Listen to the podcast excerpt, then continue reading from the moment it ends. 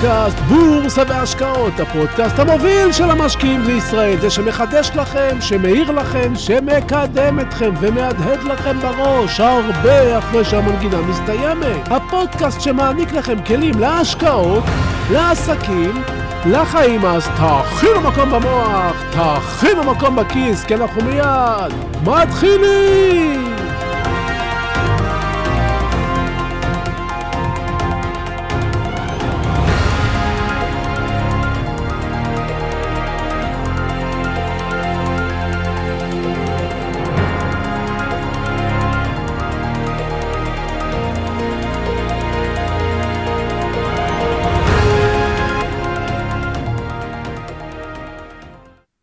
העולם שלנו מלא בתופעות ובהתנהגויות מוזרות.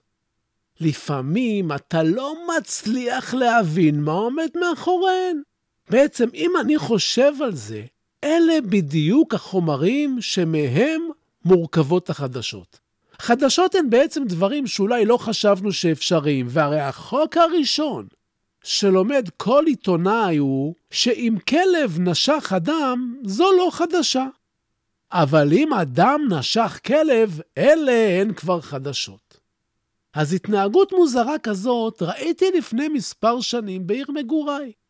היה מטאטא רחובות אחד, בחור ישראלי, צעיר, שהיה לו תחביב מוזר. הוא היה מסתובב ברחובות העיר ומבצע את עבודתו.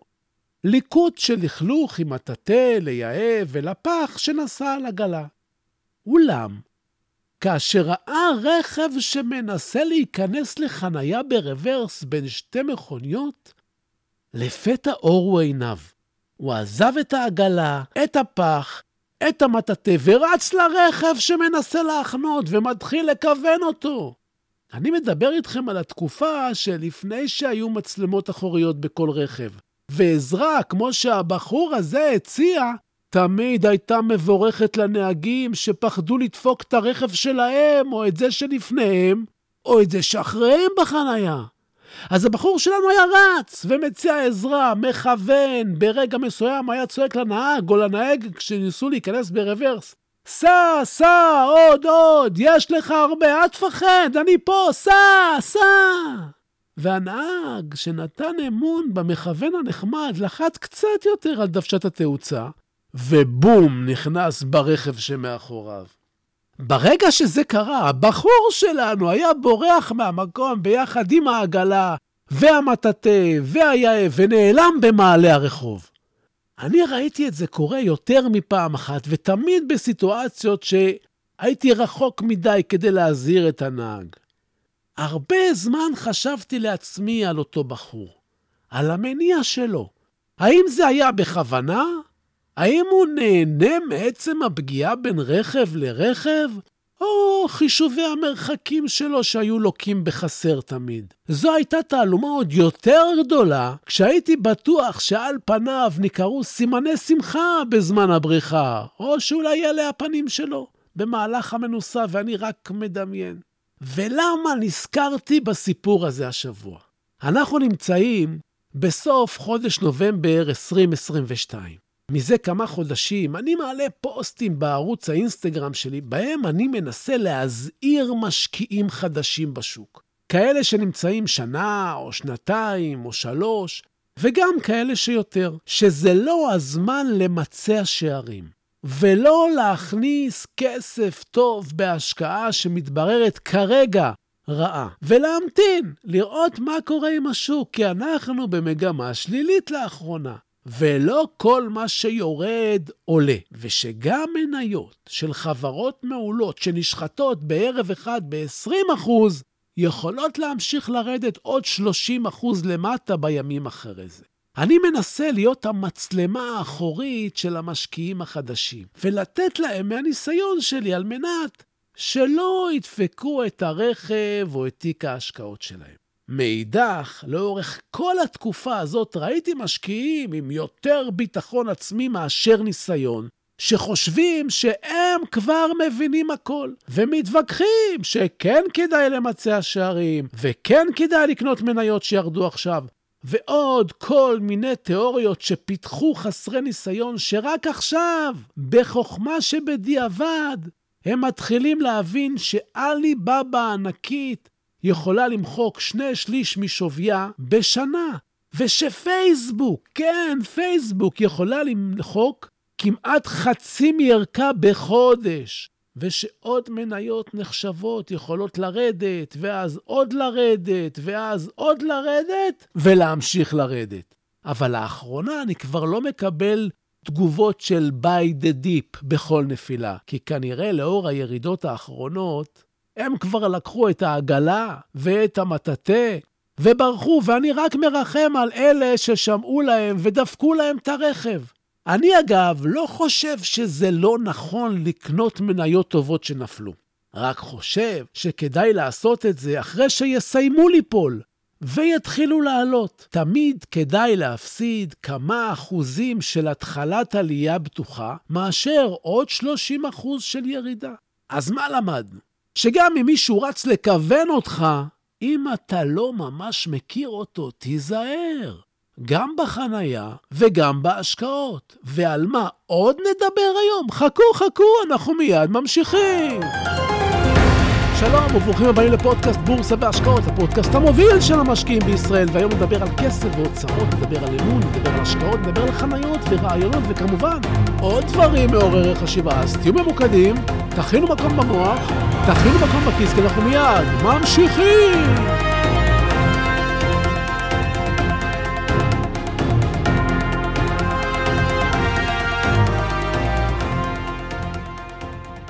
עכשיו אני מבקש שתחשבו לרגע, מה לדעתכם הדבר הכי חשוב בעולם העסקים? מה הדבר הכי חשוב בביזנס? מה הדבר הכי חשוב במקומות שכסף משחק בהם תפקיד? מה הדבר הכי גדול שיש לחברה שנסחרת בבורסה? מה הדבר הכי חשוב שיהיה לכם? מה הדבר הכי חשוב לצמיחה? גבירותיי ורבותיי, המשאב הכלכלי החשוב ביותר הוא אמון. לא כסף, לא ביטקוין, לא נדל"ן, לא קשרים, לא מחצבים, לא פטנטים, לא שליטה, אלא אמון.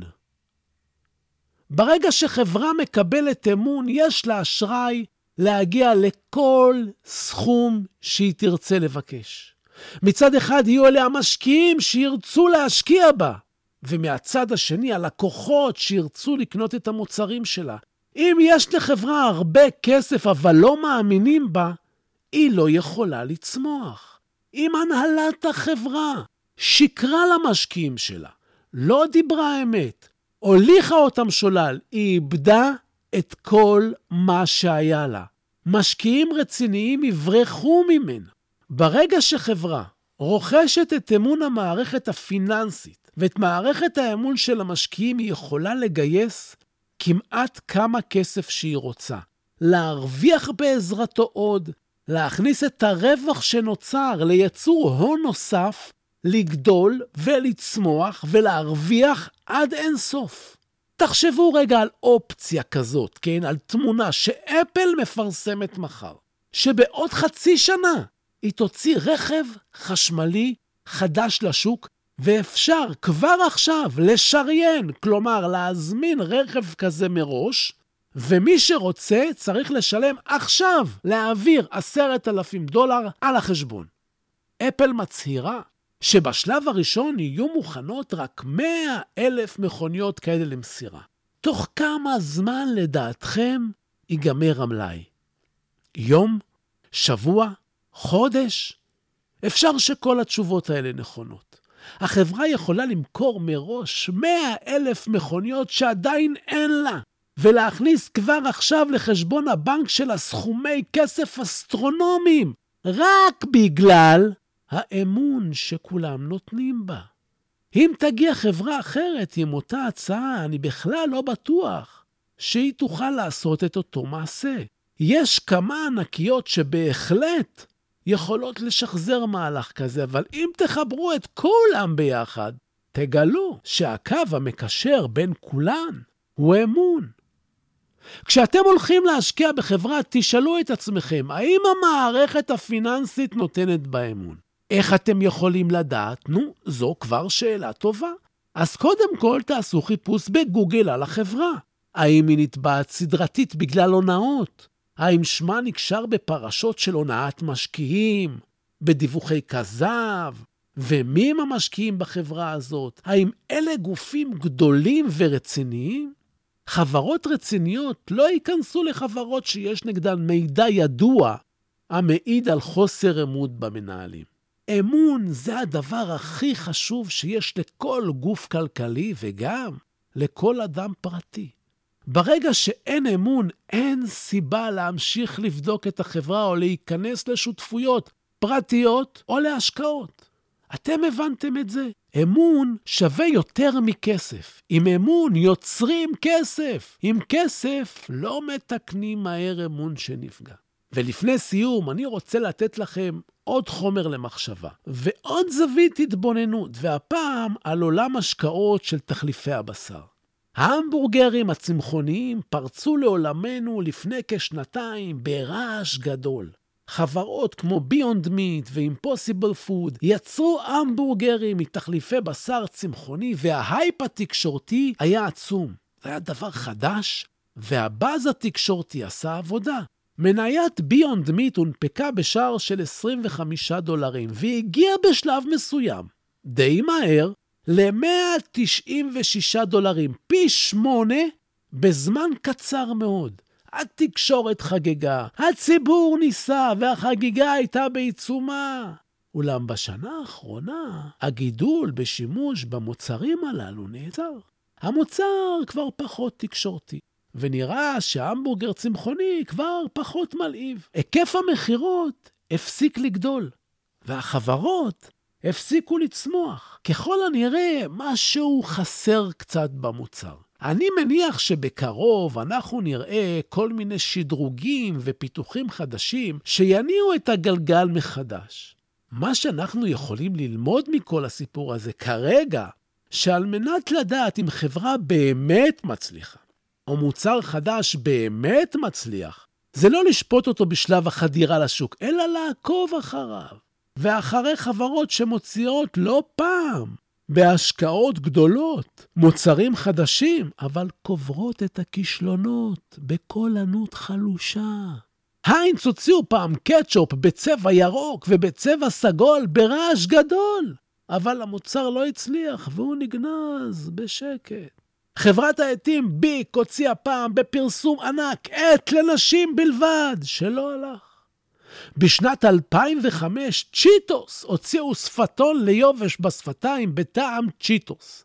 וגם לקוקה קולה וגם לפפסי קולה היו מוצרים שלא החזיקו הרבה זמן ונקברו בשקט, וזו רק התחלת הרשימה. אז תמיד תזכרו שחדש זה טוב, ואפשר לעשות סיבוב על השקות בהשקעות, אבל תמיד תמיד תהיו עם יד על הדופק, לאורך זמן.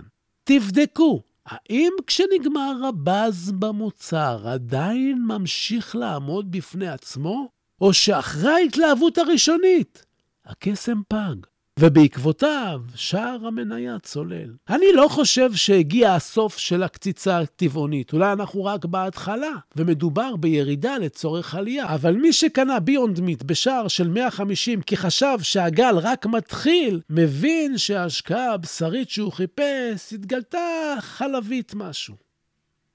מבינים? אז נעבור לפינת הטיפים שלנו.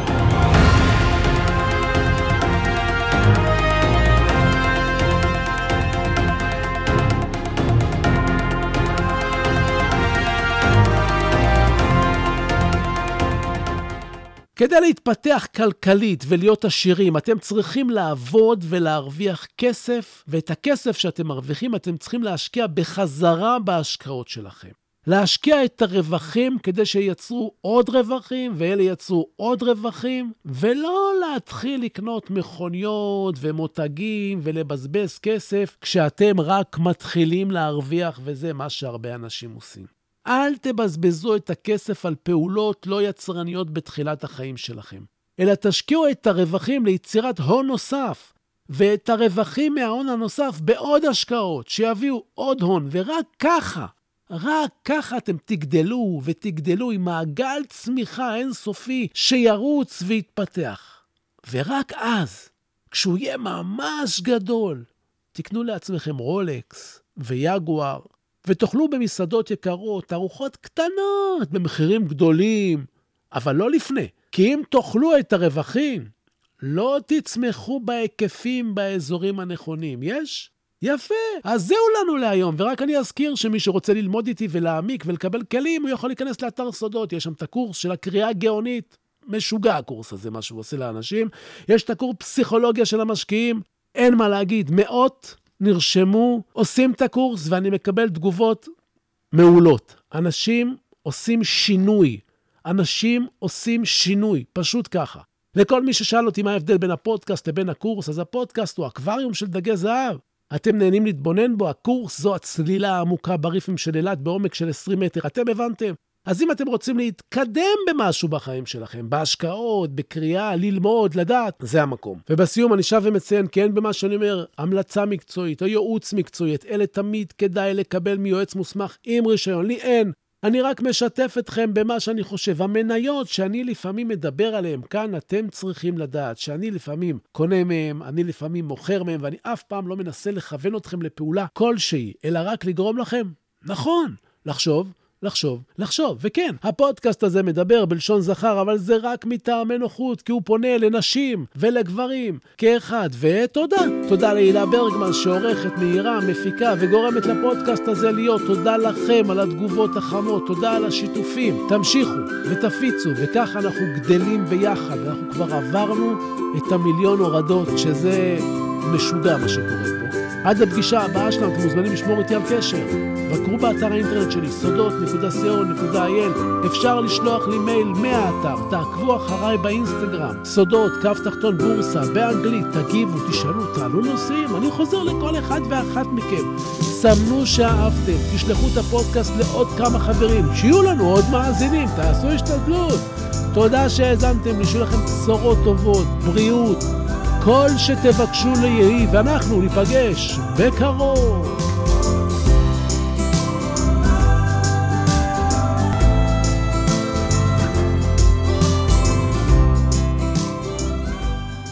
נאום ההכתרה של נלסון מנדלה. הפחד העמוק ביותר שלנו אינו מפני חוסר היכולת. הפחד העמוק ביותר שלנו היא הידיעה שעוצמתנו אינה ניתנת למדידה. האור, ולא הצל, האפל שבנו, הוא שמעורר בנו חרדות. כל אחד מאיתנו שואל את עצמו, מי אני שאוכל להרשות לעצמי להיות כל כך מבריק, מקסים, מוכשר ומאושר?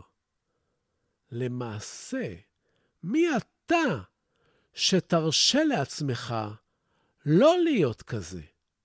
אנחנו ילדים של אלוהים. כשאנחנו בוחרים לשחק את המשחק הקטן, אנחנו לא משרתים את העולם. אין שום דבר נאור או מואר בצמצום האישיות שלנו, רק כדי שאנשים ירגישו נוח בחברתנו. נולדנו כדי לממש את הקסם האלוהי הגדול בנו, הוא לא גלום רק בחלק מאיתנו. כל אחד מאיתנו נושא את הקסם הזה בתוכו. כאשר אנו מרשים לאור הפנימי שלנו לזרוח באופן בלתי מודע, אנו מאפשרים לאחרים לעשות את אותו דבר כאשר אנו משתחררים מהפחדים שלנו. הנוכחות שלנו משחררת אחרים. נלסון מנדלה, 1994